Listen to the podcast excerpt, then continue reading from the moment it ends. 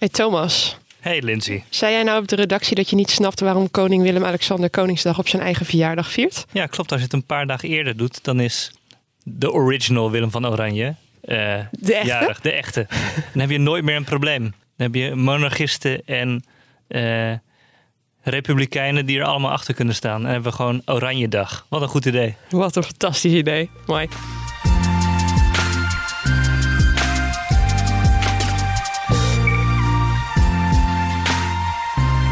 Welkom bij de Week van Nu, de wekelijkse podcast van Nu.nl, waarin we met drie redacteuren de week die was bespreken. Mijn naam is Lindsay Mossink, chefredactie bij Nu.nl. En aan tafel zijn aangeschoven politiek verslaggever van Nu.nl, Edo van der Goot. Hallo. Hallo. Met jou gaan we het hebben over de tussen aanhalingstekens karaktermoord van Forum voor Democratie, medeoprichter Henk Otte. Was het hectisch gisteren? Ja, de hele week eigenlijk al. Eigenlijk sinds zaterdag al een klein beetje, zeker. Binnenlands verslaggever Job van der Plicht. Hallo. Hi. En jij bent aangeschoven om het over Koningsdag te hebben. Uh, je loopt morgen mee met de koninklijke familie in Amersfoort. Zeker. En je maakte deze week een stuk over de beveiliging van het Koninklijk Huis. Interessante dingen te weten gekomen? Ja, op zich wel. Ja. Al is heel veel ook wel uh, schimmig en onduidelijk hoe dat nou precies gaat. Maar als je met oud-beveiligers spreekt, dan um, ja, krijg je wel leuke dingen te horen. Gaan we het zo over hebben. Ja, tof. En weer aan tafel. Thomas Moorman. Hey. Coördinator van de economieredactie. Jij volgde vijf jaar geleden de Europese verkiezingen ook al voor nu.nl. En je bent nu bijna een jaar terug. En je mag het opnieuw doen, hè? Ja, leuk. Alsof ik het erom uh, deed. ja, precies. Ik kom precies terug voor de verkiezingen. Zo meer uh, daarover. Eerst een korte terugblik op de afgelopen week. Het was de week dat Sri Lanka uh, op eerste paasdag werd opgeschrikt door meerdere aanslagen op kerken en luxe hotels. Uh, onder andere in de hoofdstad Colombo en het nabijgelegen Negombo. Honderden mensen kwamen om het leven, waaronder drie Nederlanders. De regering houdt een uh, splintergroep van een radicaal-islamitische groepering verantwoordelijk. Vandaag, vrijdag, halen reisorganisaties al hun Nederlandse klanten in Sri Lanka terug naar Nederland. Het reisadvies is inmiddels aangescherpt. Er zijn namelijk berichten dat het risico op vervolgaanslagen groot is. In the town, stores owned by Muslims are shuttered, some of them boarded with windows smashed by stones. This is what the terrorists had in mind attacks designed to exploit division in a country no stranger to sectarian unrest. The air is thickening with tension here. It might ease and pass over or erupt into something much worse. En deze week kwamen bij twee eenzijdige ongevallen acht mensen om het leven. Bij een ongeluk op de A12 bij het Prins Klausplein in Den Haag vielen in de nacht van dinsdag op woensdag vier doden. Een auto kwam op zijn zij terecht, waarna het voertuig zich in een verkeersportaal boorde. De slachtoffers waren allemaal familieleden. Op de A1, ter hoogte van Deventer, kwamen maandagochtend ook vier mensen om het leven. Een auto botste daar tegen een pijler met matrixborden en vloog daarna in brand. Omroep Gelderland deed verslag. Volgens een voorzitter van een voetbalclub waar een van de slachtoffers voetbalde, is het een zwarte dag in de geschiedenis van Apeldoorn. Nou ja, je zal maar te horen krijgen op zo'n ochtend dat je zoon is overleden. Tweede paasdag, uh, wat een leuke dag zou moeten worden. Ja, dat, uh, dat komt zeker heel hard aan. En uh, ja, besef is er nog niet helemaal, denk ik. Deze week worden de mannen op verschillende plekken herdacht.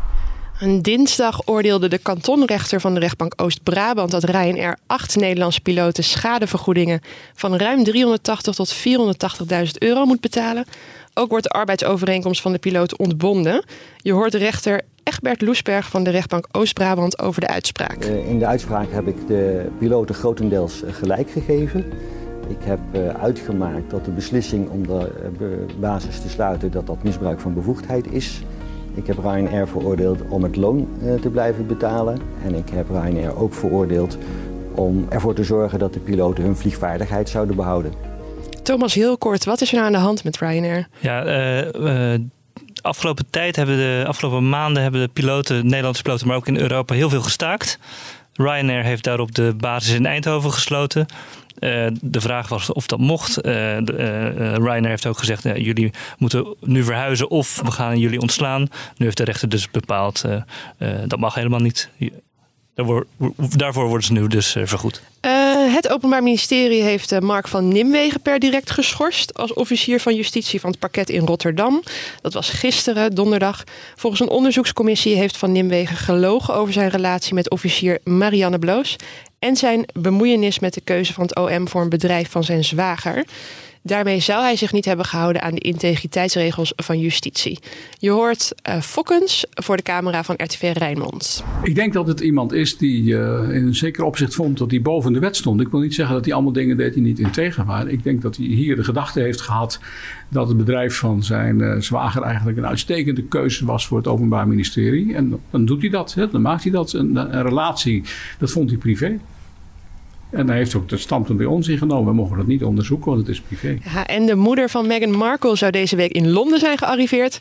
Haar komst zou erop wijzen dat de koninklijke baby van Meghan en prins Harry snel geboren wordt. Of misschien is het kindje al wel geboren. Meghan en Harry maakten namelijk eerder bekend de geboorte van hun kindje niet direct met de media te zullen delen. It's sad for royal followers because we all want to enjoy this baby with them. But um, I think everybody completely understands their decision. One tradition Harry and Meghan are keeping is we can expect to see that royal easel placed outside of the gates of Buckingham Palace announcing the birth of their firstborn. But something else that might happen, more in line with our modern times, is we can also expect a simultaneous Instagram post as well. Ja, Edo. Het is een puinhoop binnen Forum voor Democratie. Sinds zaterdag, zei hij al. Ja. Wat is er aan de hand? Wat is er aan de hand? Ja, de, de twee mannen die de partij hebben opgericht, Thierry Baudet en uh, Henk Otte. Uh, de twee die als een tandem eigenlijk uh, de partij groter zouden maken en verder zouden werken aan de, aan de uitbreiding. Die kunnen niet meer door één deur. Nee. Want? Want, ja. uh, nou, enerzijds is dat... Uh, het, het, is een klein beetje gissen. Want uh, enerzijds is natuurlijk het verhaal dat Henk Otte... die ook penningmeester was... die functie is hem inmiddels ook ontnomen... geld naar zichzelf had overgemaakt... zonder dat de andere bestuursleden dat wisten. Dat ging om 30.000 euro. Dat zou hij over hebben gemaakt als geld naar zichzelf... omdat hij dat, daarvan zei, die dit verdien ik... Uh, voor mijn werkzaamheden die ik verricht heb. Ja, ja. hij had de werkzaamheden voor de partijen verricht. En dat geld naar zijn eigen bedrijfje overgemaakt. En hij vindt nog steeds dat hij daar recht op heeft. Zegt van ja, ik heb daar gewoon voor gewerkt. Maar dat uh, schoot in het verkeerde keelgat van uh, andere bestuursleden, waarvan uh, Thierry Baudet er eentje is. en die zegt van ja, ik vind eigenlijk dat je het bestuur moet verlaten. plus ja, dat werk, iedereen doet werk naast een bestuurslidmaatschappen voor de partij. Daar word je royaal voor betaald, was het statement van, van Baudet. dus ja, dat, dat kan niet door de beugel. Dus werd er gelijk gesproken over een, over een vertrouwensbreuk. Uh, ja, en dat komt toch wel uh, hard aan voor de, voor de partij die er zo prat op gaat. Dat ze juist gecontroleerd willen groeien. En uh, ja, eigenlijk al voordat ze groot werden, bang waren voor gedoe omdat ze te hard zouden groeien.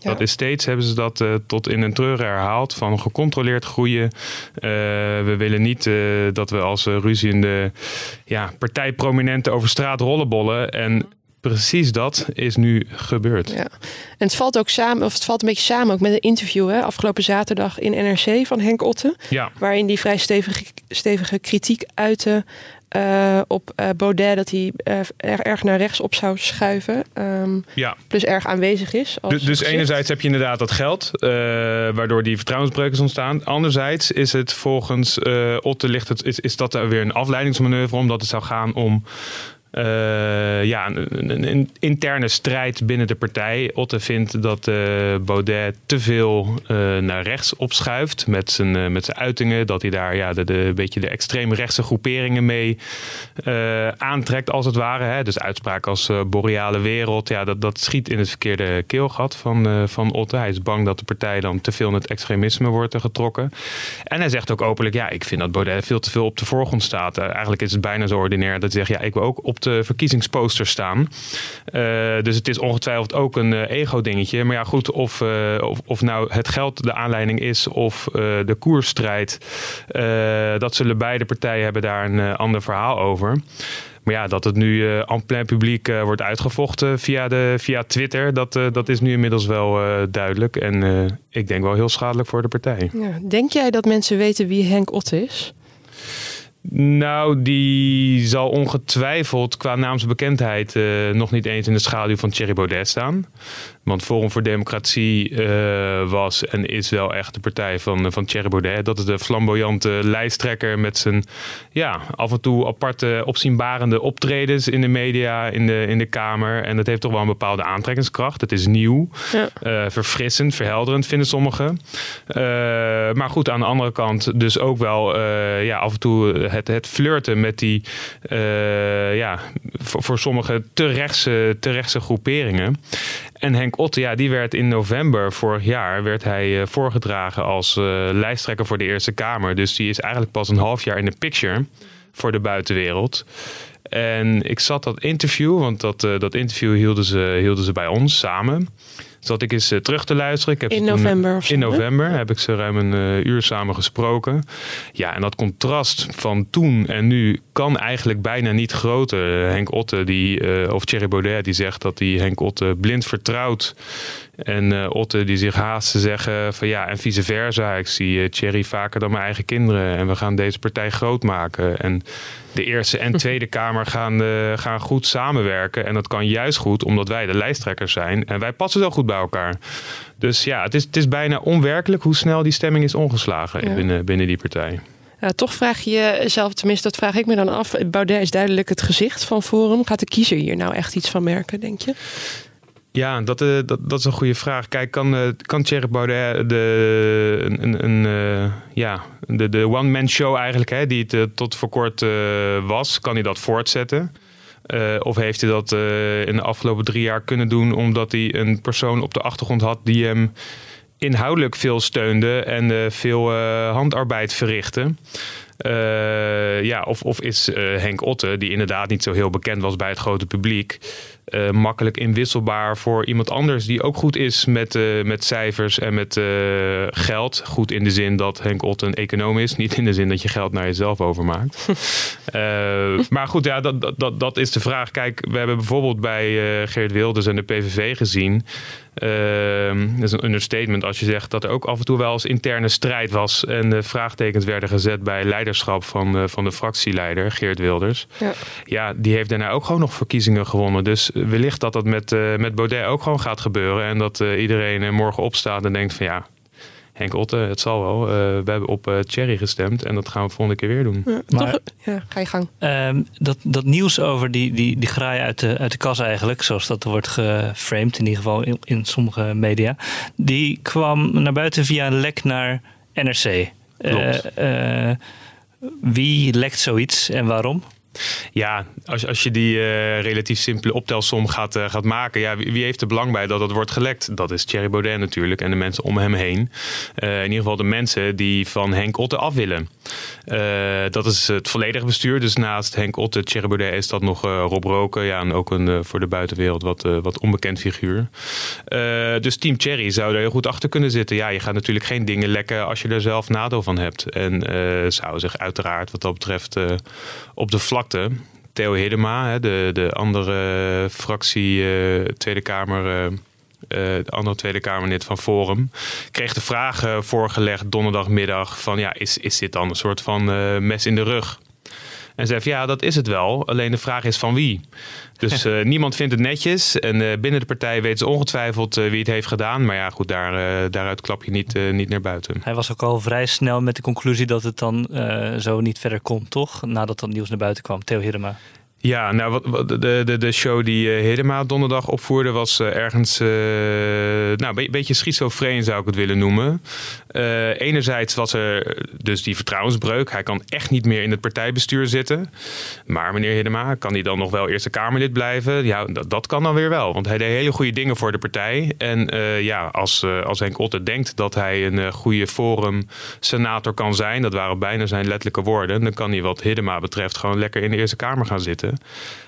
Maar ja, hoe gaat dat dan samen vervolgens uh, in de samenwerking tussen, tussen Hiddema of tussen Otte en, uh, en Baudet? Dat, dat zou één organisme zijn dat samen gaat werken. Maar de twee die uh, liggen nu overhoop met elkaar. Maar dat, toen ik Hiddema dat vroeg, zei hij ook van ja, dat, dat weet ik ook nog niet. Ik ben ook pas net op de hoogte gesteld van, van alle gebeurtenissen rondom de partij. Dus daar moest hij nog even over nadenken. Maar hij wilde best, was hij bereid om een soort als ja, vredestichter, mediator, wilde die best optreden. Dus die rol van heeft helemaal alvast uh, geclaimd. Ga je Koningsdag vieren, Edo? Koningsdag ga ik zeker vieren. Ja. Ja? Waar? Uh, dat wordt Utrecht. En uh, ja, een beetje slenteren. Ik geloof dat Koningsdag staat voor mij altijd wel een beetje een symbool voor slenteren. Biertje, biertje erbij. Niet in het zonnetje.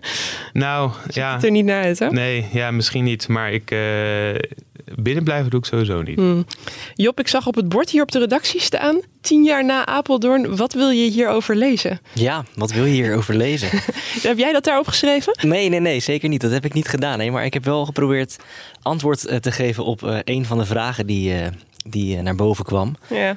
Want jullie is... hebben een. Uh, ik was er niet uh, deze week op de redactie. Jullie hebben een klein brainstormpje gehouden of zo? Of hoe ging dat? Ja, op de koffieautomaat hing een, uh, een papiertje. Wat wil je weten over tien jaar na Apeldoorn? Ja. Nou, daar zijn meerdere vragen over gesteld door collega's. Ja. om eerlijk te zijn, weet ik ze niet allemaal meer. Weet je, weet, je, weet je er nog een paar? Ja, eentje waar we eventjes over gedacht hebben, maar die ging toch wel erg ver voor ons. wat gebeurt er eigenlijk als Willem-Alexander overlijdt? Nou, wat gebeurt er dan eigenlijk? Goeie vraag. Op die vraag heb ik geen antwoord gegeven. Oké, okay, bewaren we voor de volgende podcast. Zeker, ja. ja Welke vraag heb dat... jij wel antwoord gegeven? Ja, hoe wordt het Koningshuis beveiligd uh, op een dag als Koningsdag? Ja. Hey, en jij, je sprak daar deze week met een voormalig beveiliger uh, ja. uh, over. wie was dat en hoe kwam je aan deze persoon? Ja, ik heb drie mensen gesproken. Dat is een, een voormalig beveiliger inderdaad, die ook bij de dienst heeft gewerkt die het Koningshuis beveiligt. Dus die ook zelf daadwerkelijk het Koningshuis heeft beveiligd. Is al enige jaren weg en doet, heeft nu een, een bureau in, in risicobeheer. Uh, een voormalige beveiliger van de overheid, die uh, hooggeplaatste mensen binnen de, de overheid en nou, staatshoofden, dat soort mensen heeft beveiligd. inmiddels ook een eigen bureau en een woordvoerder van um, die dienst, van de, de politie, want daar valt de dienst onder, ja. heb ik gesproken. Die laatste liet niet zo heel veel los. ja. En hoe ik daaraan kwam? ja, door, door te zoeken nou, simpelweg te googlen en uh, door te klikken. En op een gegeven moment kom je dan bij die namen uit. De juiste personen. Ja. ja. Uh, een oud-beveiliger zei er is duidelijk een tijd voor en na Apeldoorn. wat is er nu zichtbaar daarvan dan? Nou, op zo'n Koningsdag. Ik heb zelf nog eens gekeken naar, naar het incident van Apeldoorn zelf. Ja. En dan zie je dat de koninklijke familie in een bus zit. En dat op straat eigenlijk helemaal niet zo heel veel beveiligers te zien zijn. er zijn er wel wat. Uh, maar niet zo gek veel. En als je dat nu bekijkt, ja, dan zie je de welbekende uh, mannetjes in, in zwarte pakken met zwarte koffers. Uh, ik denk dat dat wel een verandering is, dat die mensen veel meer aanwezig zijn. Ja, ja want je, nou ja, we kunnen even naar een audiofragmentje luisteren over de middelen die de beveiligers bij zich hebben. De beveiligers die zaterdag meelopen met de, de stoet van de koninklijke familie, over welke middelen beschikken die? Nou, die bezit, het zijn reguliere politieagenten. Dus die bezitten dezelfde middelen als uh, de reguliere diender. Uh, en zij hebben nog een, uh, een wat aanvullende wapens. En dat is in de zin van automatische vuurwapens hebben zij bij zich. Die overigens niet automatisch vuren, maar op single shot staan. En zij hebben nog wat beschermende middelen, maar dat zijn geen wapens. En dan moet je denken aan kogelweren, de vesten en dat soort dingen. Maar die automatische vuurwapens die dan op single shot staan, dus die, die, die uh, zien we niet. Uh, waar verbergen ze die? Um, dat kan op verschillende plekken zijn. Dat kan in tassen zijn, dat kan in auto's zijn. Dat kan zijn dat de beveiliger een positie heeft ingenomen dat je hem niet ziet, maar hem toch uh, voorhanden heeft op dat moment. Er zijn verschillende opties. Ja, het is natuurlijk een beveiligingsstrategie om niet kenbaar te maken waar je, uh, waar je vandaan je kracht gaat uitoefenen in geval van een uh, incident. Wat vond jij nou het meest opvallend wat je te weten bent gekomen? Dat scherpschutters niet per se aanwezig zijn. Ik had dat wel verwacht, maar ja? dat is niet zo. Waarom had je dat verwacht? Uh, dat is toch het beeld wat ik er, erbij heb. Dat, uh, dat er scherpschutters op de daken zitten Ja. uh, die, die de boel in de gaten houden van bovenaf. Ik weet trouwens niet zeker of het niet zo is. Want dat wilde, de politie wilde dat niet bevestigen, maar ook niet ontkennen. Nee. Die wilde daar niks over zeggen. de voormalig beveiliger zei daarvoor is de dreiging op dit moment te laag. Uh, dat is een dusdanig zwaar middel dat het alleen wordt ingezet als de, de dreiging echt heel hoog is. En dat is dus niet zo nu. Ja. Zijn er andere, volgens mij schrijf jij daar ook over, maar zijn er andere momenten te noemen waarbij zij wel ingezet worden? Nou, bijvoorbeeld, ja zeker. Bijvoorbeeld een, uh, uh, een dreiging richting Geert Wilders na de, het uitbrengen van de film Fitna. Um, ja, dat was een bijeenkomst, of dat was een, naar, naar aanleiding van een bijeenkomst daarna is, zijn er inderdaad wel scherpschutters ingezet. Uh, maar ook uh, ja, grote bijeenkomsten als een EU-top. Um, de, de, de NSS die, die in Den Haag was in 2014. Ja, dan zijn er dusdanig veel regeringsleiders bij elkaar. Ja. dat ze dan worden ingezet. Ja. Jij vroeg uh, volgens mij ook wat er nou gebeurt uh, op Koningsdag als het echt misgaat. Stel nou dat het toch misgaat op Koningsdag. Hoe snel uh, kunnen beveiligers dan, dan actie ondernemen? Neem even mee naar nou, bijvoorbeeld zo'n incident als Apeldoorn. als dat nu weer zou gebeuren, en misschien niet met een auto dan, maar een ander incident. Wat gebeurt er dan op zo'n moment? Hoe wordt er gehandeld? In de basis zal er binnen, nou, een goed beveiliger reageert binnen een seconde. Die is voortdurend bezig om de schrikseconde die eigenlijk ieder mens heeft, om die voortdurend weg te nemen door ervan uitgaan dat iedere stap het moment kan zijn dat er iets gebeurt. Met die mindset loopt iedere beveiliger om zijn, om zijn uh, persoon heen die hij op dat moment waar hij verantwoordelijkheid overdraagt. Nou, de mindset zegt dus al binnen een seconde wordt er een reactie gegeven op hetgeen wat er gebeurt. Afhankelijk van wat er gebeurt, nou, dan praat je inderdaad over verschillende scenario's. Denk aan een uh, schutter die uit het publiek ineens iets doet, tot en met uh, een, uh, een, een, harde klap hè, in de vorm van een explosief, wat wel of niet in de buurt van de familie afgaat. Mm -hmm. Een voertuig. nou, er zijn een legio aan scenario's te bedenken die er kunnen ontstaan. En um, wat je tracht is in binnen iedere fase weten waar je naartoe kan, weten wat je moet doen. Ja, en, en dan ontstaat wederom een, een, ja, een, een beschermde beveiligingsstrategie. Wat je doet op, het, op zo'n moment. Dat is niet, niet voor het publiek bekendgemaakt, omdat je natuurlijk dan in je kaarten laat kijken wat je, wat je gaat doen. Hoe ziet jouw dag er morgen uit? Ik moet er vroeg zijn in, in Amersfoort. Hoe vroeg?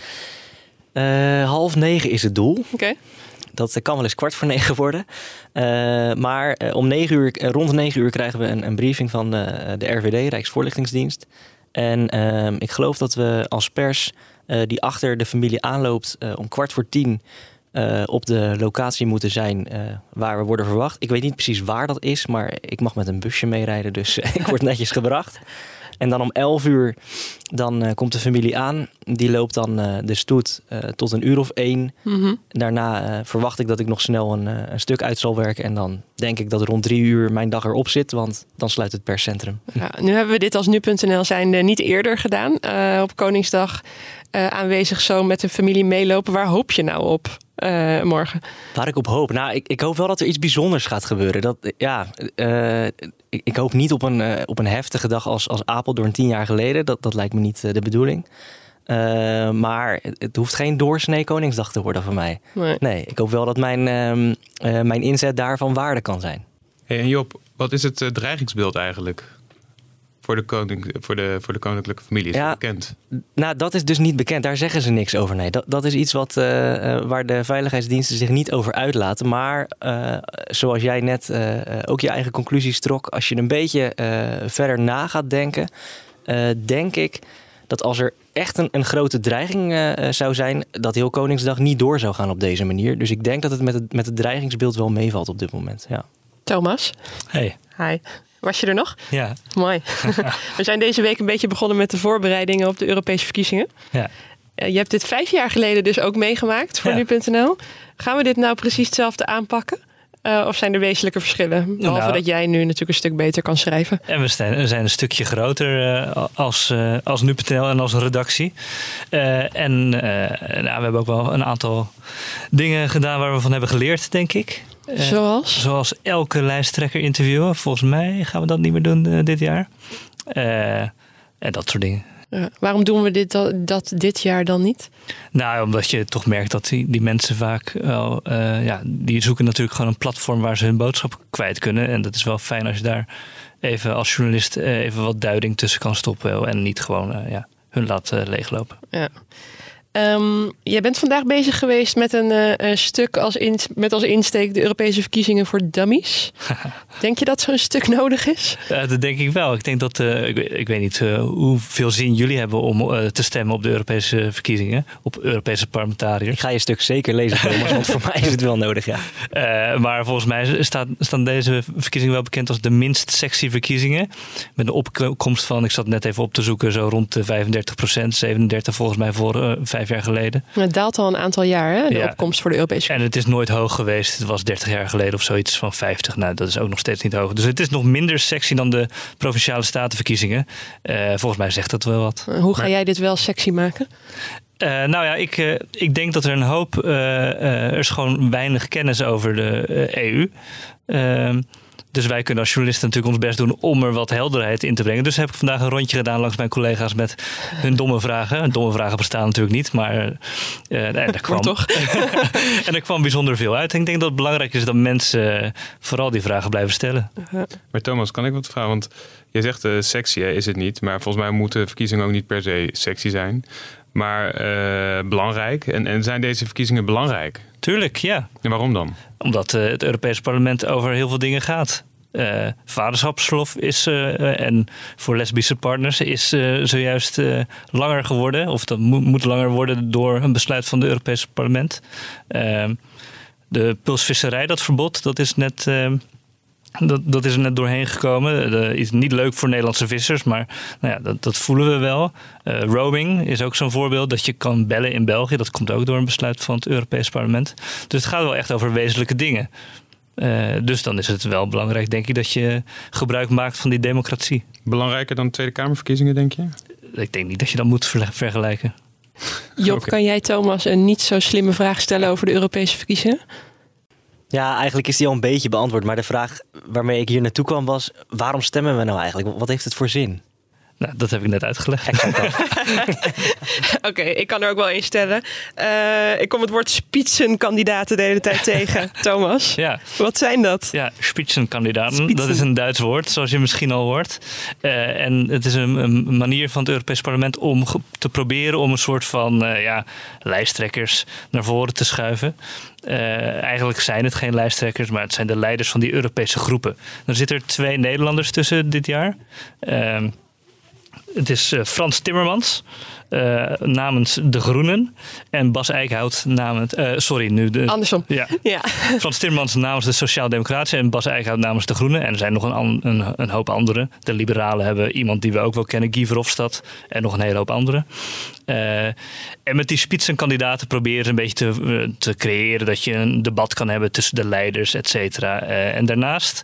Um, uh, willen ze ook dat een van die mensen de nieuwe commissievoorzitter wordt. Vorige keer was uh, Jean-Claude Juncker de, de spitsenkandidaat namens de conservatieven, namens de christendemocratische fractie.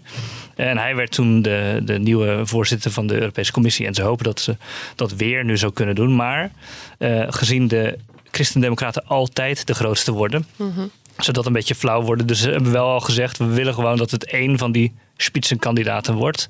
En ze hebben ook wel iets te zeggen, want het Europees Parlement moet de Europese Commissie weer goedkeuren. Thomas, ik heb toch nog een vraag voor je. Ja. Wat gaat er met het Verenigd Koninkrijk gebeuren? Doen die mee? Uh, wat voor invloed uh, heeft dat? Ja, goede vraag. Job, Domme vragen bestaan niet. Dank je. uh, die doen nog mee. Uh, maar die gaat dus eind oktober eruit. Tenminste, dat is de planning. Hè. We hebben al gemerkt dat het wel eens uh, dat het vrij flexibel is, die deadline. Ja. Um, maar ze doen nog mee en dus blijven er nog Britse parlementariërs in het Europees parlement tot de dag dat ze uitgaan. en wanneer ze uitgaan, dan verdwijnen die parlementariërs. iets van 24, zeg, even, zeg ik even uit mijn hoofd, van de iets meer dan 70 plekjes. Die worden verdeeld onder landen die nu relatief weinig zetels hebben. Nederland is er daar een van. De overige, uh, iets van 40 uh, zetels, die verdwijnen eh, die worden gereserveerd voor mogelijke uitbreiding. Dus stel, er komt een nieuw EU-land bij, dan kan je die zetels van de Britten gebruiken om die eh, landen Europarlementariërs te geven. Maar het Verenigd Koninkrijk doet nu dus mee als eh, volwaardige lidstaat alsof Brexit nooit bestaan heeft. Nou ja, niet helemaal. Want je ziet wel dat bijvoorbeeld de Brexit Party van Nigel Farage, dat is een nieuwe partij eh, die heel erg eh, pleit voor gewoon, eh, trek de stekker er gewoon uit, kom op, we hebben Brexit beloofd. Eh, die doen het nu aardig goed in de peilingen. Duidelijk. Dus het heeft wel echt invloed. Is er een vraag te bedenken waar jij het antwoord niet op weet? Ja. Eh, nou, ik zat net te googlen en eh, de Europese verkiezingen zijn van 23 tot 26 mei volgens mij. Eh, en ik weet niet precies waarom. Waarom? ik bedoel, in Nederland is het dan de 23ste. Ja, die donderdag. Ja, ehm, De Italianen zijn op zondag als laatst, ja geloof ik. nou, ik heb wel een vermoeden. Misschien zijn er wetten in bepaalde landen dat een verkiezing alleen op zondag mag plaatsvinden. En in andere landen weer wetten die dan daarmee ja, in de weg zitten. Maar dit weet ik niet zeker. Dit is gewoon een, een gok. Ik mansplain het even. Ehm, dus als iemand het antwoord zwart op wit voor me heeft, dan eh, mail of Twitter of eh, van alles. Thomas.nu.nl En Thomas, een, een korte, makkelijke vraag hoor. Hoe ziet Brexit er precies uit? Als Brexit. Of een zwart gat. Eh, maandag ga je naar Maastricht, hè? Wat gaat daar gebeuren? Ja, klopt. Heel kort. Ehm, er is een debat tussen dus die, eh, een aantal van die spitsenkandidaten. Ik vind dat een heel leuk woord om uit te spreken. Ehm, dat was het. vijf jaar geleden ook al. Eh, en toen, ja, het was wel een, een leuk debatje. Dit jaar proberen ze het iets groter aan te pakken. Dus we gaan het zien. Ik zal verslag doen. Mooi. We gaan naar de post aan nu.nl.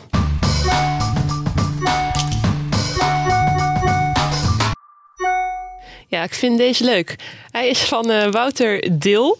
Eh, met vriendelijke groet van een fan, schrijft hij. Ehm, met plezier luister ik sinds enige tijd naar jullie podcast. Elke ochtend prima, informatief, kort, snel, to the point. Kortom, blij mee. Jullie vragen om feedback en eerlijk gezegd heb ik iets waar ik mij aan erger. Jullie presentator Carné van der Brink spreekt zeker ABN.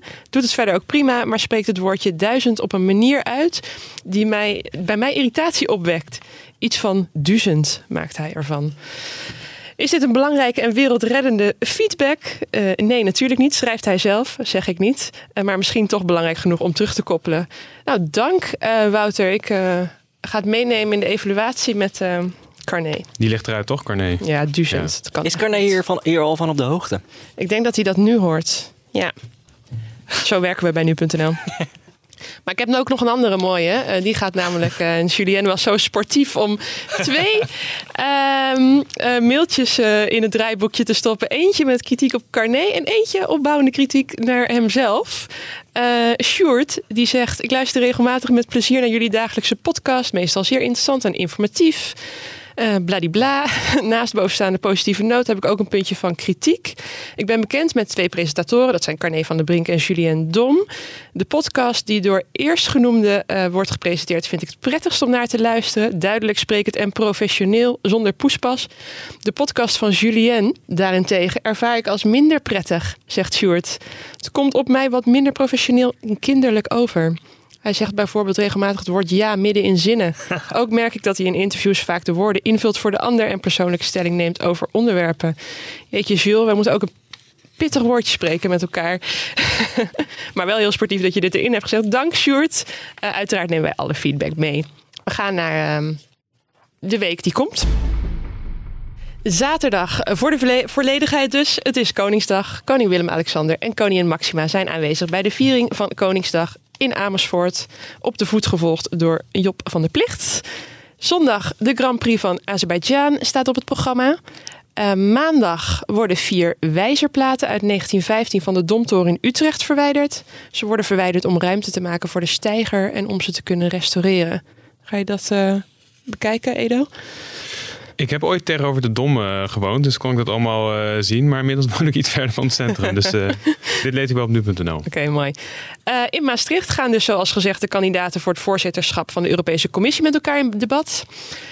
Thomas is daarbij. Dinsdag natuurlijk de halve finale in de Champions League tussen Tottenham en Ajax uit in Londen. Ben je er nou bij, Edo, of niet? Nee, deze moet ik helaas laten schieten. Jij ging Ja. toch kaartjes kopen Ja, vandaag? en toen eh, was het uitverkocht. Ik was eh, niet de enige. Maar thuis eh, sta ik er wel. Goed zo. Dinsdag is de aanslag op Koninginnedag in Apeldoorn, tien jaar geleden. Daar hebben we het al uitgebreid over gehad. Karstee reed toen met een auto in op publiek tijdens de rondrit van de koninklijke familie. Acht mensen, waaronder de dader, kwamen om het leven. en dinsdag verwachten we de uitspraak in de zaak tegen de twee Nederlandse broers die verdacht worden van zware mishandeling van een ober in Praag. Woensdag Um, moet het Amerikaanse ministerie het volledige en ongecensureerde onderzoeksrapport van speciaal aanklager Robert Mueller overdragen aan de commissie Justitie van het Huis van Afgevaardigden. Het is een mond vol. Uh, deze maand publiceerde het departement een versie waarin passages waren zwart gemaakt. Vooral democraten in het parlement uh, nemen daarmee geen genoegen. Donderdag uh, hoort uh, Julian Assange naar alle waarschijnlijkheid of hij wordt uitgezet naar de Verenigde Staten. De VS beschuldigt Assange van samenzwering en computervredebreuk. En hij zit op dit moment vast in Engeland. Heren, dat was hem. Ik wil jullie danken. Edo, Job, Thomas. Ja, ook bedankt. Heb een goed weekend. Fijn weekend. Fijn weekend. Dankjewel.